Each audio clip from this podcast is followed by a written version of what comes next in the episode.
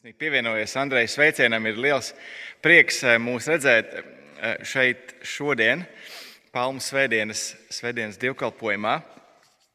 Ziniet, šajā, šajā pēdējā, pēdējā šie, pusgadā ir, ir atsevišķi brīži, kad pēkšņi nedēļa pirms, pirms, vai nevis nedēļa, bet dienu pirms pirms eh, runāšanas man, man pēkšņi piezogās neliela trauksme, vai es esmu sagatavojis sprediķi pareizajā valodā.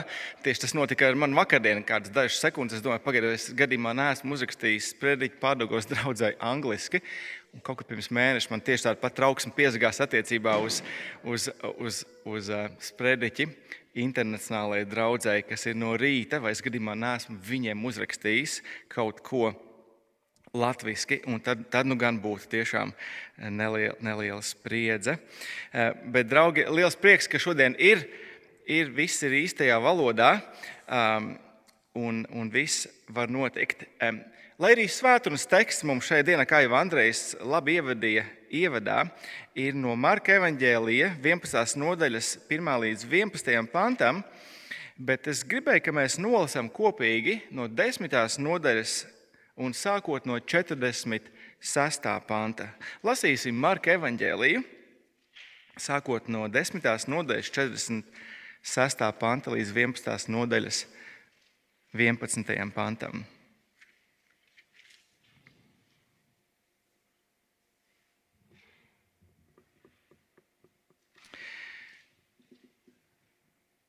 Un Jēzus ar saviem mācekļiem nonāca Jērikā. Kad viņš ar saviem mācekļiem un lielu ļaužu pūli gāja prom no Jērikas, ceļa malā sēdēja kāds akls ubaks, Timeja dēls, Bartimējs. Izdzirdis, ka tas ir Jēzus no Naceretes, viņš sāka kliegt un sauca: Jēzu, Dāvida dēls, apžēlojies par mani! Un daudzi to apsauca, lai viņš apklustu. Bet viņš kliedza jo skaļāk: Dāvida dēls, apžēlojies par mani! Jēzus apstājies, sacīja: Sauciet viņu šurp! Un tie attaicināja aklo, tam sacīdami: e, Esi drošs, celies, viņš tevi sauc! Un savus svārkus nometis, viņš pieleca kājās un nāca pie Jēzus. Un Jēzus viņam jautāja: Ko tu gribi, lai es tev daru? Aklais sacīja, Rabūni, kaut es varētu redzēt. Jēzus viņam sacīja, ej, tava ticība tevi ir dziedinājusi. Un tūlīt viņš kļuva redzīgs un sekoja Jēzum ceļā. Kad tie tojās Jeruzalemē, Bētfagai un Betānijai pie Olīvu kalna, viņš sūtīja divus savus mācekļus un tiem sacīja: Dodieties uz ciemu, kas jūsu priekšā. Tur iegājuši jūs tūlīt atradīsiet piesietu ēzelīti, uz kura vēl neviens cilvēks nav sēdējis. Atraisiet to un vediet šurp. Ja kāds jums jautās, kādēļ jūs tā darāt, tad sakiet, kungam to vajag, un tūlīt viņš to atsūtīs atpakaļ. Un tie aizgāja un atrada ēzelīti piesietu ārā pie durvīm un to atraisīja. Kādi no tiem, kas tur stāvēja, viņiem jautāja, ko jūs darāt, kādēļ jūs atraisāt ēzelīti? Un viņi atbildēja, kā Jēzus tiem bija teicis, un tie viņu atlaida. Tie atveda ēzelīti pie Jēzus, uzsedza tam savas drēbes, un viņš sēdās tam virsū. Un daudzi izklāja uz ceļa savas drēbes, bet citi koku zarus, ko bija nocietuši laukos. Un tie, kas gāja pa priekšu, un tie, kas sekoja, kliedza: Ozijāna, lai svētīts, kas nāk kunga vārdā, lai slavēta mūsu tēva Dāvida valstība, kas tuvojas Ozijāna augstībā. Jēzus iegāja Jeruzalemes templī, un kad viņš visu bija aplūkojis, un bija jau vakara stunda, viņš ar tiem 12 aizgāja uz Betāniju. Tas ir kunga vārds, un pirms mēs pie tā pavadām nedaudz vairāk laika, ļaujiet, es vadīšu mūsu pavisam īsā lūkšanā. Lūksim.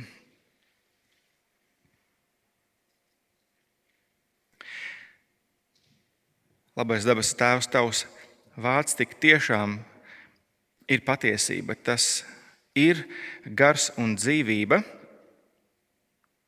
Un, kungs, mums tas tik ļoti ir vajadzīgs mūsu garīgai dzīvei. Jā, īpaši arī šajā svētku laikā, ko Palmu svētdiena iesāk. Mēs zinām, cik pēc kāda laika eh, šie svētki mums var kļūt par tādu ieražu, bet, kungs, mēs lūdzam, ka mēs šajās lieldienās varam pierimt un ar atjaunotu skatu, kungs, aptvērt un paraudzīties uz to varano darbu, ko tavs vienīgais dēls, kungs, Jēzus, ir mūsu labā paveicis. Un, kungs, mēs lūdzam tam tavu žēlstību un palīdzību šajā pēcpusdienā. Kristus vārdā Āmen.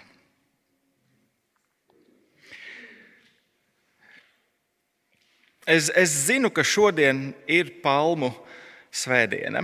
Kā mēs tikko nolasījām, šajā svētdienā vai šajā dienā Jēzus ieradās Jeruzalemē. Un ar viņa ierašanos Jeruzalemē bija saistītas nu, ļoti lielas cerības. Ķēniņa Dāvida valstība tuvojās, tā, tā sauca ļaudis. Un, ziniet, jo vairāk es domāju par šo notikumu pēdējās nedēļās, jo vairāk es sajūtos īstenībā kā tādā adventa laikā, kā adventā. Un, un es domāju, ka tas nav nepareizi. Arī mēs šodien gaidām Jēzus ierašanos, Jēzus atnākšanu. Un arī mēs ar Jēzus atnākšanu saistām lielas cerības. Galu galā Jēzus atnākšana visā pilnībā atnesīs dieva valdīšanu, jauno pasauli. Cik ļoti mēs šodien gaidām un ar to saistām savas cerības. Ar Dieva pilnīgo valdīšanu, ar jauno pasauli. Cik ļoti mēs ilgojamies šajās lieldienās pēc tā. Es nesen noklausījos, kā mani bērni sarunājas savā starpā. Viņi apsprieda dzīvi jaunajā pasaulē. Protams, ka mums, kā vecākiem, vienmēr šīs, šajās sarunās ir, ir prieks noklausīties, kad bērni sarunājās par kādām ticības lietām. Un tad nu, viena no dvīnēm teica jaunākajam, kas tepat sēž, zini, nu mēs tajā jaunajā pasaulē, mēs tur varēsim darīt visu, ko gribam. Varēsim līdot, varēsim ēst saldējumu visu dienu. Un, un tā saruna tā, tā tālāk turpinājās ar dažādiem spilgtiem piemēriem. Un, ziniet, kā, kā tu vari neilgoties? Kā tu vari neilgoties pēc, pēc jaunās pasaules? Ja tur varēs darīt visu, ko gribi. Un, ziniet, labā ziņa ir tā, ka jaunajā pasaulē mēs tik tiešām varēsim darīt visu, ko gribam. Bet, ziniet, viss, ko mēs gribēsim, ir slavēt Jēzu. Tajā dienā mēs visi, mēs pilnībā spēsim ieraudzīt to, ka Jēzus ir kungu kungs un ķēniņu ķēniņš. Nu, nu mums, kā Marka evanģēlīja lasītājiem, nebūtu jābūt pārsteigtiem par šo. Mēs viscaur esam bijuši tādā kā privileģētā situācijā. Jau ar pašu pirmo teikumu Marka evanģēlijā mēs, mēs atklājam, ka Jēzus no dienas ir Kristus. Viņš ir Dieva dēls, jeb ķēniņš. Un turklāt Marka lasītājs ir spējis, varējis ieraudzīt, ka līdz ar Jēzus atnākšanu ir klāta arī viņa valstība, viņa valdīšana. Jēzum piemīt pārsteidzoša vara nevien pār slimībām, nevien pār ļauniem gariem, bet arī pār neapturamajiem dabas spēkiem, arī pār nepielūdzamo nāvi. Varani brīnumi, varenas zīmes brīnumainas dziedināšanas. Un tas neizbēgami piesaistīja ļaužu uzmanību.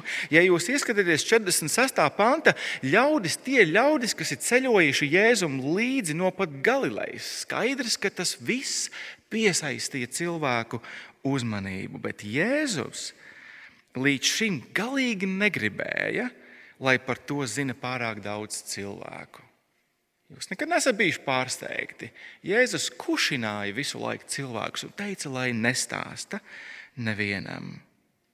Un to beidzot bija sapratuši arī Jēzus mācekļi, kas kušināja aklo Bartimēju, kurš sauca, sauca pēc Jēzus. Viņš teica, nē, klusu, ciet klusu. Turpretim tagad, tagad tuvojoties Jeruzalemē, Jēzus grib, lai par viņu zina visi. Vai tas nav interesanti? Padomājiet, Jēzus negrib, lai cilvēki pazīst viņu kā varenu brīnumdari un dziedinātāju, bet Jēzus pilnīgi noteikti grib, lai visi cilvēki zina, ka viņš ierodas Jeruzalemē, lai nomirtu. Cik neticams ķēniņš! Nu, kas ir tas, pēc kā mēs šodien visvairāk ilgojamies? Un, draugi, palmu svētdiena mums atgādina to, ka ķēniņš Jēzus ir tas, pēc kā mums ir visvairāk jāilgojas. Ķēniņš Jēzus ierodoties Jeruzalemē, atklāti un noteikti tuvojas savai nāves stundai. Kāpēc? Lai izglābtu mūs. Un tādēļ mēs šodien varam ar prieku gaidīja ķēniņa Jēzus otro atnākšanu, kas atnesīs mums tik ilgi gaidīto glābšanu. Pirmā lieta, Jēzus tik tiešām ir gaidītais ķēniņš. Tas ir tas, ko mēs ieraugam mūsu palmu svētdienas lasījumā. Un redziet, tas, ka Jēzus ir sen apsolītais ķēniņš, jeb valdnieks, tas ir skaidrs pat aklam ubagam 46. pantā. Varēs ceļa malā sēdēja kāds akls ubaks, mm, Timeja dēls Bartimējs, un izdzirdis, ka tas ir Jēzus no Naceretes. Viņš sāka kliegt un sauca Jēzu Dāvida dēls, apžēlojies par mani. Dāvida dēls, ķēniņš. Aklam ubagam ir skaidrs, un neviens vēlreiz viņu nevar apklusināt. Un daudzi to apsauca, lai viņš apklustu, bet viņš kliedzējos skaļāk, Dāvida dēls, apžēlojies par mani. Un pēc brīža, nu jau redzīgo Bartimeju, atdarina arī, arī 46. panta lielais ļaužu pūlis. Mēs redzam, 11. nodaļas 8. pantā, Tāpat kā aklais Bartimējs, arī viņi metīs zemē savus svārkus un apliecinās Jēzu kā ilgi gaidīto ķēniņu, Dāvidam apsolīto valdnieku. Ieskatieties 8. pantā, un daudzi izklāja savas um, drēbes, uz ceļa savas drēbes, bet citi koku zarus, ko bija nocirtuši laukos. Un tie, kas gāja pa priekšu, un tie, kas sekoja, kliedza: Ozijāna, lai svētīts, kas nāk!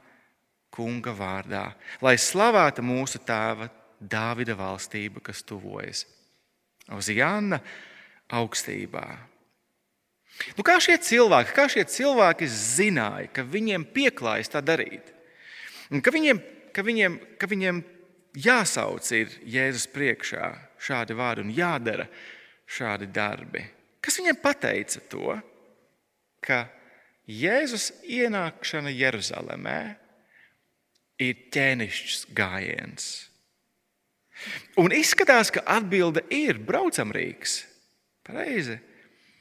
Uz Jēzu kā ķēniņu norāda ezelīša kumeļš.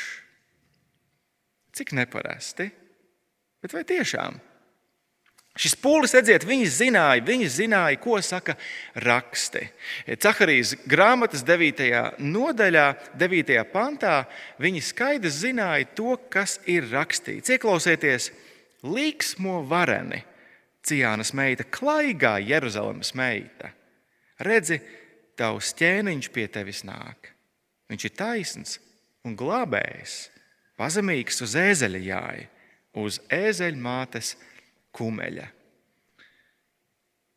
Viņa Jēzus ienākšanā uz Jeruzalemē uz kumeļa ieraudzīja Caharijas pravietoto ķēniņu. Tas ir braucam rīks, kas nodeva Jēzu. Nu, pieņemsim, ka, ka karalis Čārlis III jau ir, jau ir atguvies pēc 2001. Eh, gada vizītes Latvijā. Atcerieties, kā toreiz kroņprinci ar neļķi iepļaukāja nacionāla bolševiku aktīviste Alīna Ļebeģeva. Viņa laikam bija sliktā omā tajā dienā. Bet, bet tas nav svarīgi. Vai jūs varat iedomāties situāciju, kurā lielāko slejas daļu par karaļa Čārlza ierašanos Rīgā aizņemtu viņa autoloģistikas apspriešana. Un pat ja tas arī būtu slavenais Rolls Royce, es to īsti nevaru iedomāties, ka tas būtu pats svarīgākais. Bet vai nav interesanti, ka tieši to šajā brīdī izdara Marks? Viņš detalizēti apspriež to, kā Jēzus liek diviem saviem mācekļiem sadabūt viņam transporta līdzekli. Mūsdienu lasītājiem tas, protams, tas nešķiet pārāk ievērības cienīgi. Bet velti, jo Jēzus ar šo pasaka ko ļoti svarīgu. Redziet, Jēzus nemaskējas vai neslēpjas aiz ēzelīšu muguras. Ēzelis nav veids, kā Jēzus ir iecerējis nu, tā klusām un nemanot ieslīdēt Jeruzalemē. Tā būtu gaužām neveiksmīga stratēģija. Kāpēc? Trīs lietas. Pirmkārt, Paskās svētku ceļiniekiem Jeruzalemē bija jāiet ar kājām. Tā bija pieņemts. Un Jēzus uz ēzelīša pilnīgi noteikti izcēlās un piesaistīja sev uzmanību. Viņš galīgi negrasījās nevienam nemanot, mierīgi ieslīdēt pilsētā. Otrkārt, ezeļmātes kumeļš bija labi pazīstams kā tieši karaļnama transporta līdzeklis.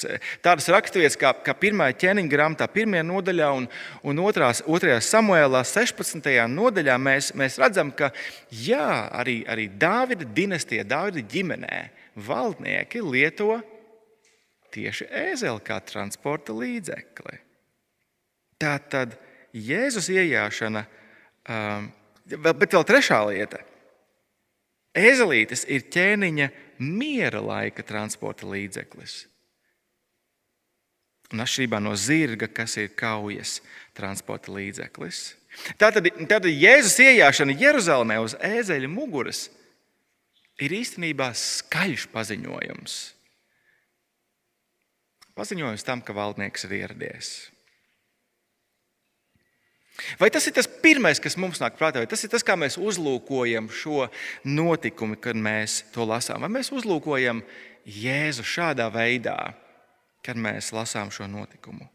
Varbūt no vienas puses tas ir dīvains jautājums. Pareizi. Nu, kādi tad vēl ir varianti? Bet, ziniet, ir daudz varianti.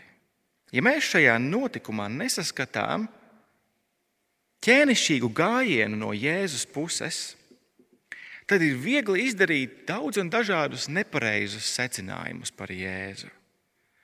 Piemēram, ekscentriskais Jēzus. Nu, tas nu gan nav forši. Visi iet ar kājām Jeruzalemē, bet, bet Jēzum lūk, vajag sēdēt uz, uz ēzeļa. Vai, vai tieši otrādi Kāds iedomājās, ka tas, tas ir gan foršais Jēzus, kāds, kāds ritīgs hipija izgājiens. Jēzus no, uh, no, jā, viņš mierīgi tā lēnām, bez stresa, mierīgi ieslīd metropolē. Cik forši. Vai vēl romantiskais Jēzus? Kāds teiks, nu, cik tas ir mīļi. Jēzus uz ēzelīšu palmu zaru ēnā. Nu, viņš izskatās tik labi. Un saprotams, ka mūsdienu kultūra nepalīdz mums skaidri domāt par Jēzu.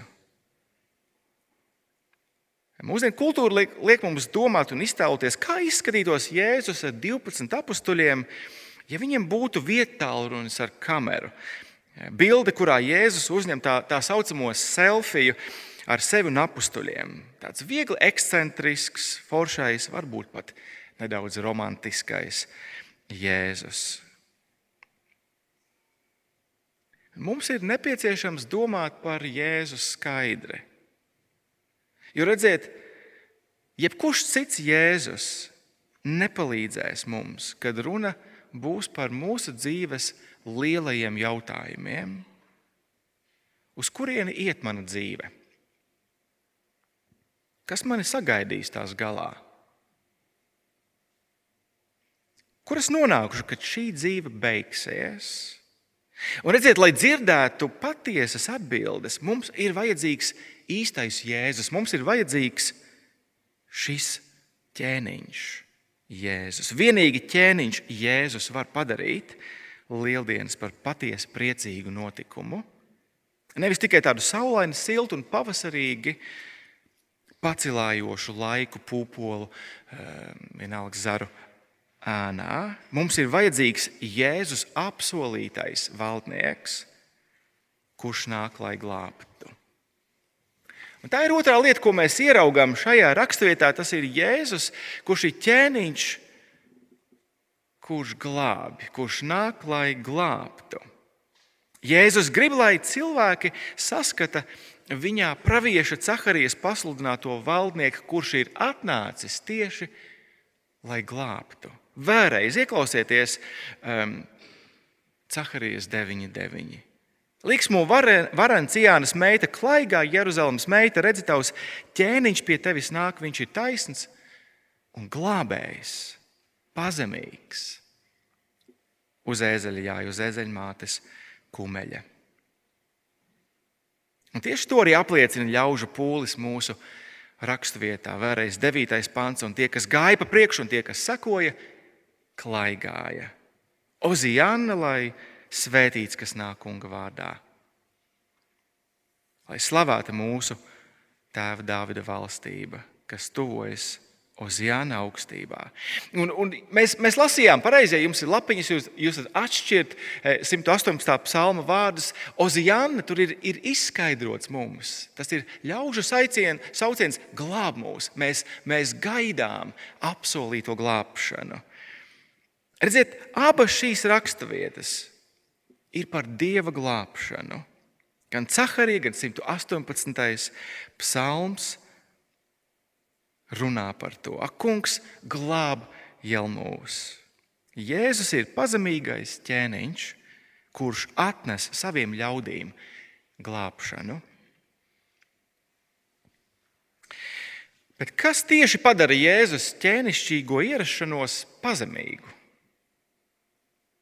Jo tas ir tas, kā Caharija mums Jēzu raksturo - pazemīgs. Un tam, protams, atkal ir jābūt ēzelītim. Pareizi. Nu, mēs nekur nevaram aiziet no viņa projām. Viņš ir tik dominējošs mūsu rakst, raksturvietā. Bet kādā tieši veidā ēzelītis padara Jēzu par pazemīgu ķēniņu? Nu, nu, mēs taču tikko domājām, ka, ka ēzelis bija tieši augstdzimušo transporta līdzeklis. Kādā tieši veidā ēzelītis padara Jēzu par pazemīgu ķēniņu. Kāds 19. gadsimta mācītājs Anglijā, vārdā Džons Rails, savā piezīmēs par evaņģēlīju, kā Jēzus pazemību, um, viņ, viņš atklāja to, ka tās slēpjas um, tajā, ka Jēzum nekas nepiederēja. Nekas. Un Rails turpina tādiem trīs trāpīgiem piemēriem, un viņam ir jāpiekrīt. Ieklausieties! Jēzus šķērsoja jūru aizlienētā laivā. Jēzus ienāca Jeruzalemē aizlienētā, uz aizlienēta dzīvnieka, un Jēzus tika guldīts aizlienētā kapā. Mēs saprotam, tieši tā taču arī bija, vai ne? Un tas ir pārsteidzoši, tas ir pazemīgi, tas ir paradoxāli. Visa radītājam dievam, kam pieder debesis un kam pieder zeme, un viss, kas uz tās, nekas nepieder. Citviet Jēzus pats apgalvo, lapsām ir alas, putniem apakš debesis ir līgstas, bet cilvēka dēlam nav kur nolikt savu galvu. Biskupam Railam ir taisnība.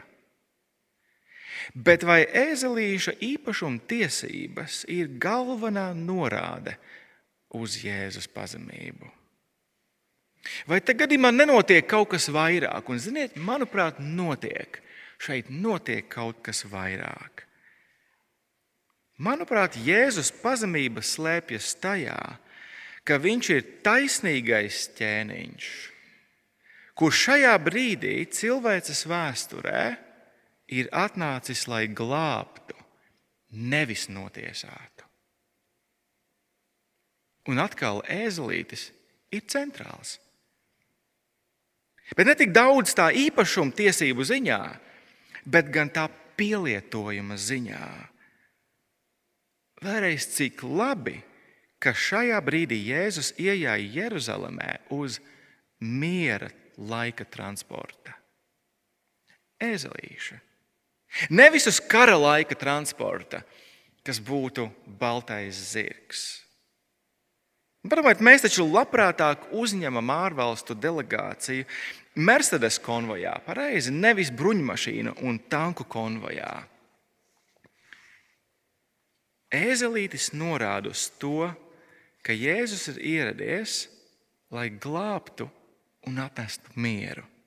Un ļaudis ar psalmu zariem rokā to ļoti labi zināja. Viņi zināja svētos rakstus un to, ka aiz Caharijas 9.9 sako Caharijas 9.10. Ieklausieties, ko Caharija tālāk runā. Es iznīdēšu Efraima ratus un Jeruzalemes zirgus.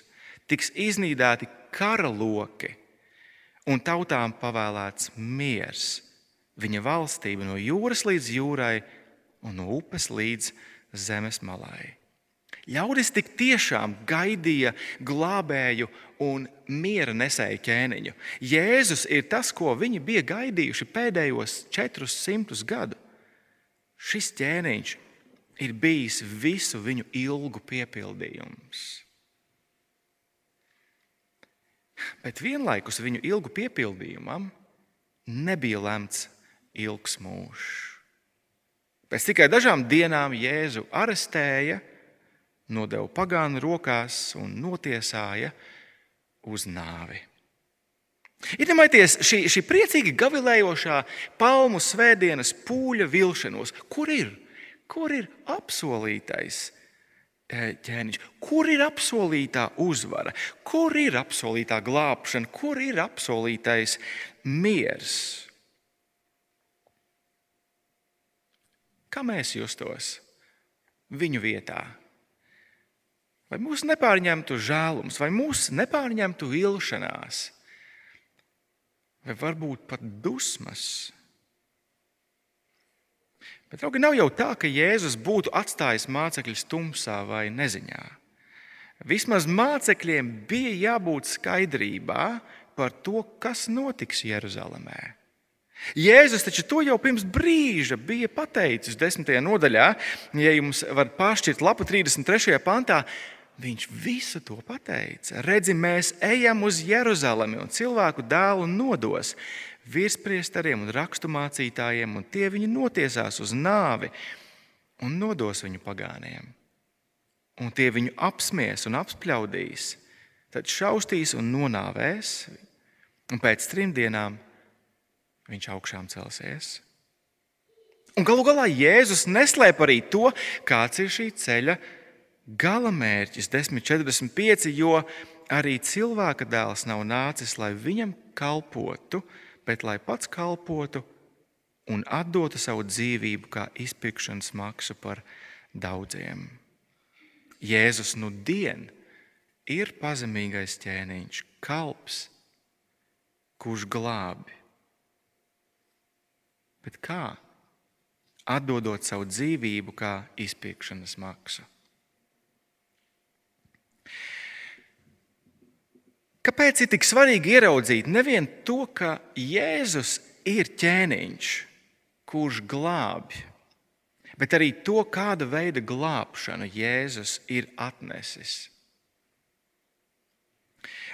Tas lielā mērā noteiks to, pēc kā mēs ilgosimies, uz ko mēs gaidīsim Uz ko mēs cerēsim? Tas lielā mērā īstenībā ietekmēs tavu atbildi uz jautājumu, ko tu gribi, lai es tev daru? Jēzus vaicāja aklajam Bartimējam, nu, ko tu gribi, lai es tev daru? Kāda veida glābšanu mēs sagaidām no Jēzus?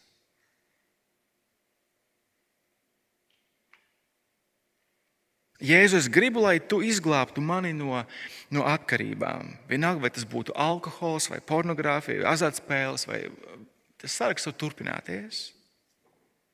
Jēzus, es gribu, lai tu izglābtu mani no, no nabadzības. Un tad tas risinājums būs, tad, tad būs darbs, tad būs ienākums, tad būs uzplaukums, tad būs, tad būs labklājība, tad viss būs labi. Vai Jēzus grib, lai tu izglābtu mani no, no, no šīs stresainā vāveres riteņa, kurā es esmu iekšā, un, un, un tad, tad būs miers, beidzot, tad būs līdzsvars, tad būs piepildījums ģimenē vai darbā vai citur. Jēzu, es gribu, lai tu izglābtu mūsu zemi no, no tās, no tās liberē, liberāļu tām sapūšajām vērtībām. Un mums ir vajadzīga politiska revolūcija, mums ir vajadzīga kristīga valsts un, un tā tālāk, un morāls dzīvesveids. Un, un Jēzus, es gribu, lai tu izglābtu mūs no, no kaimiņu zemes autoritārās varas. Mums ir vajadzīgs vajadzīgs apvērsums, mums vajadzīgas kara beigas, mums vajadzīgs miers. Un gal galā, vai tas nebūtu brīnišķīgi? Padomājiet, ikvienā no šīm situācijām, vai tas nebūtu brīnišķīgi? Cieņpilna, mīloša, pārtikusi, iejūtīga ģimene, sabiedrība, valsts.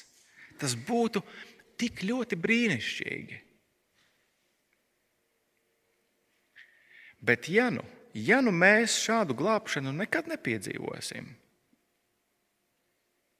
ja nu mūsu dzīve šajā pasaulē pastāvīgi būs cīņa ar kārdinājumiem, cīņa ar atkarībām, iztikas trūkums, stress, apkārtējās sabiedrības pagrimums, kara draudi, ja nu tas viss būs kaut kas, kas, kas pastāvīgi uzglūnēs un, un, un mocīs mūs šajā zemes dzīvē, vai tāpēc Jēzus ir mazāks ķēniņš, vai tāpēc Jēzus šodien ir mazāks glābējs? Un atbildē ir jābūt nē. Un atbilde būs nē. Ja vien mēs ieraudzīsim, ka Jēzus glābšana nav galvenokārt par grēka saku likvidēšanu šajā pasaulē, draugi. Jēzus ir atnācis, lai izglābtu cilvēku no paša grēka. No mūsu šīs iedzimtās vēlmes just, un domāt un darīt lietas pretēji tam, kā Dievs to grib. Jēzus ir atnācis, lai izglābtu cilvēkus no, no dieva taisnīgā soda par šo grēku. Un tāpēc jau lieldienas ir tik ļoti labas ziņas. Tāpēc Jēzum bija jākļūst par pilnīgo paskājēru, kurš ar savu ķermeni un asinīm izpērk mūsu dvēseles un mūsu ķermeni. Tāpēc jau Jēzum bija jā, jāizdzer dievus, dieva dusmības kaus, izciešot savā miesā dieva taisnīgo sodu par manu, par tavu grēku. Vai jūs redzat, kāpēc mums ir jābūt skaidrībā par glābšanu, ko Jēzus ir atnesis?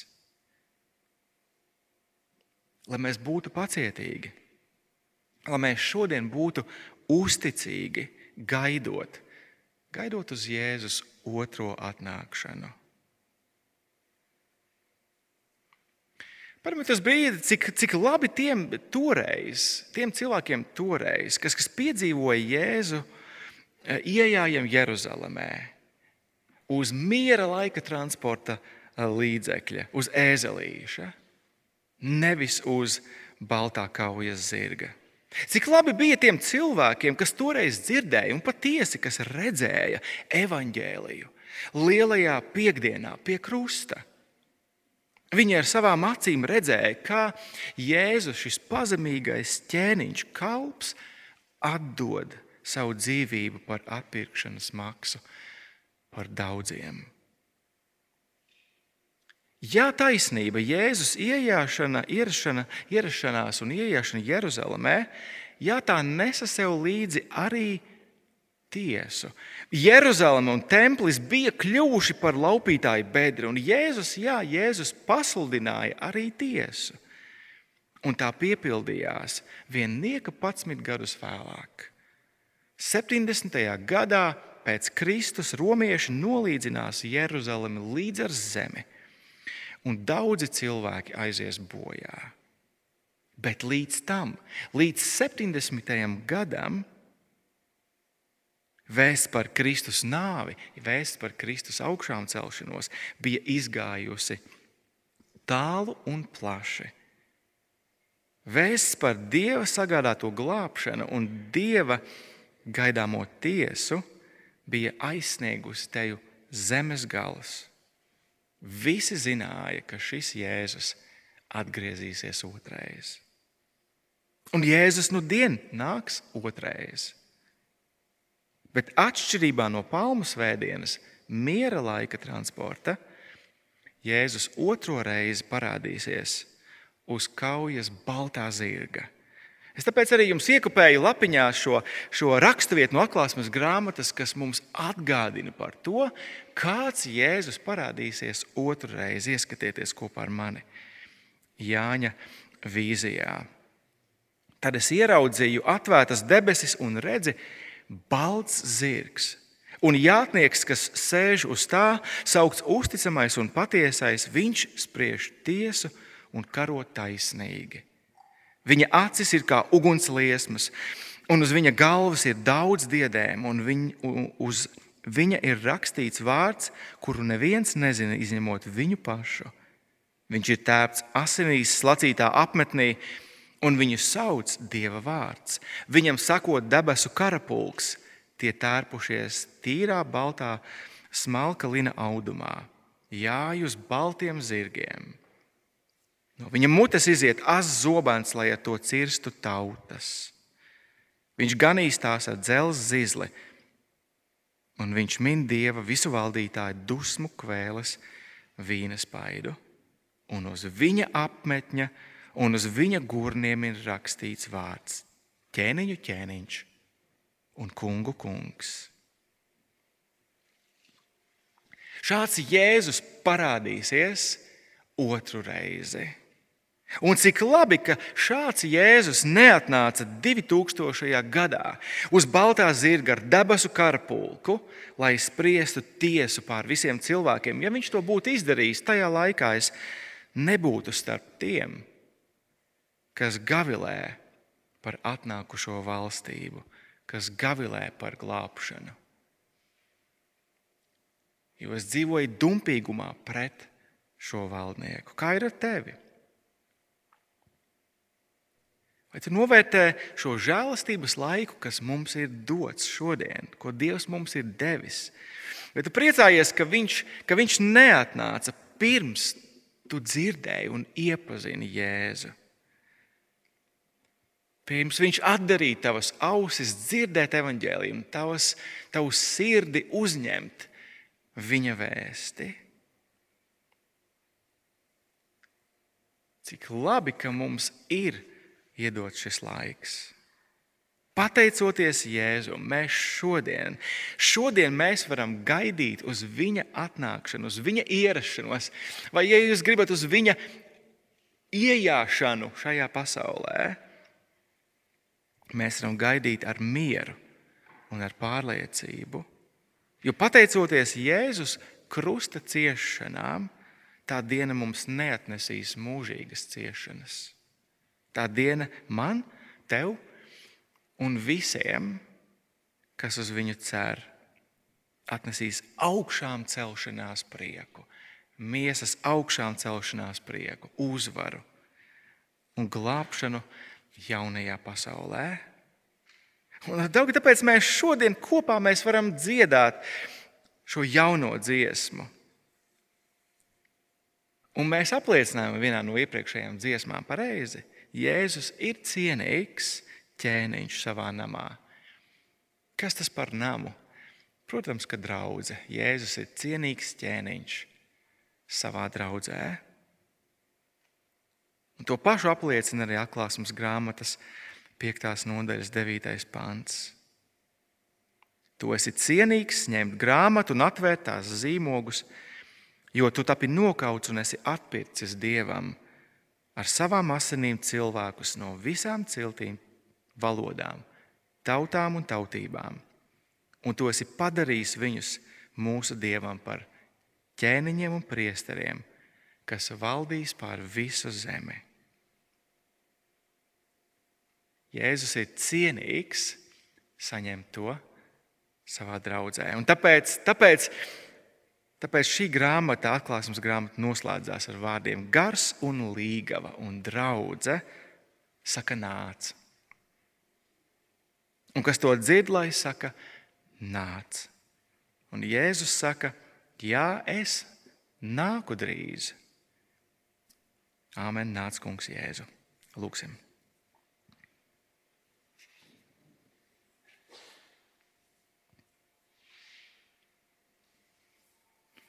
Labais debes Tēvs, paldies, ka Tu mums dod šo lieldienu svētku laiku, lai mēs varētu nedaudz pierimt šajā ikdienas skrējienā un, un vairāk padomāt par to, ko, ko Kungs Jēzus ir izdarījis mūsu labā. Kungs, mēs Tev pateicamies par brīnišķīgo evaņģēlīju vēstu. Mēs Tev pateicamies, ka tajā dienā, kad Jēzus ieradās pie saviem ļaudīm Jeruzalemē, ķēniņa pilsētā. Viņš ieejāja kā pazemīgais ķēniņš uz ēzeļmātes kumeļa, lai atnestu saviem ļaudīm glābšanu. Kungs, mēs ilgojamies pēc tās glābšanas, ko Jēzus ir atnesis, bet mēs zinām, cik grūta var būt dzīve šajā laikā ar tās dažādiem izaicinājumiem. Bet mēs tev pateicamies, pateicamies Dievs, ka Kristū tu esi sagādājis mums pašu svarīgāko un lielāko glābšanu. No grēka. Un kungs no tava soda. Un tāpēc kungs palīdz mums šajā laikā būt pacietīgiem un uzticīgiem, gaidot uz Jēzus parādīšanos, tveroties pie viņa ticībā, tveroties pie brīnišķīgā apsolījuma, ka tad, kad Jēzus parādīsies, mēs būsim kopā ar viņu līdzās uzvarētājiem. Kungs palīdz mums uzticīgi gaidīt un saukt vienmēr. Nāc, Kungs, Jēzu. Amen!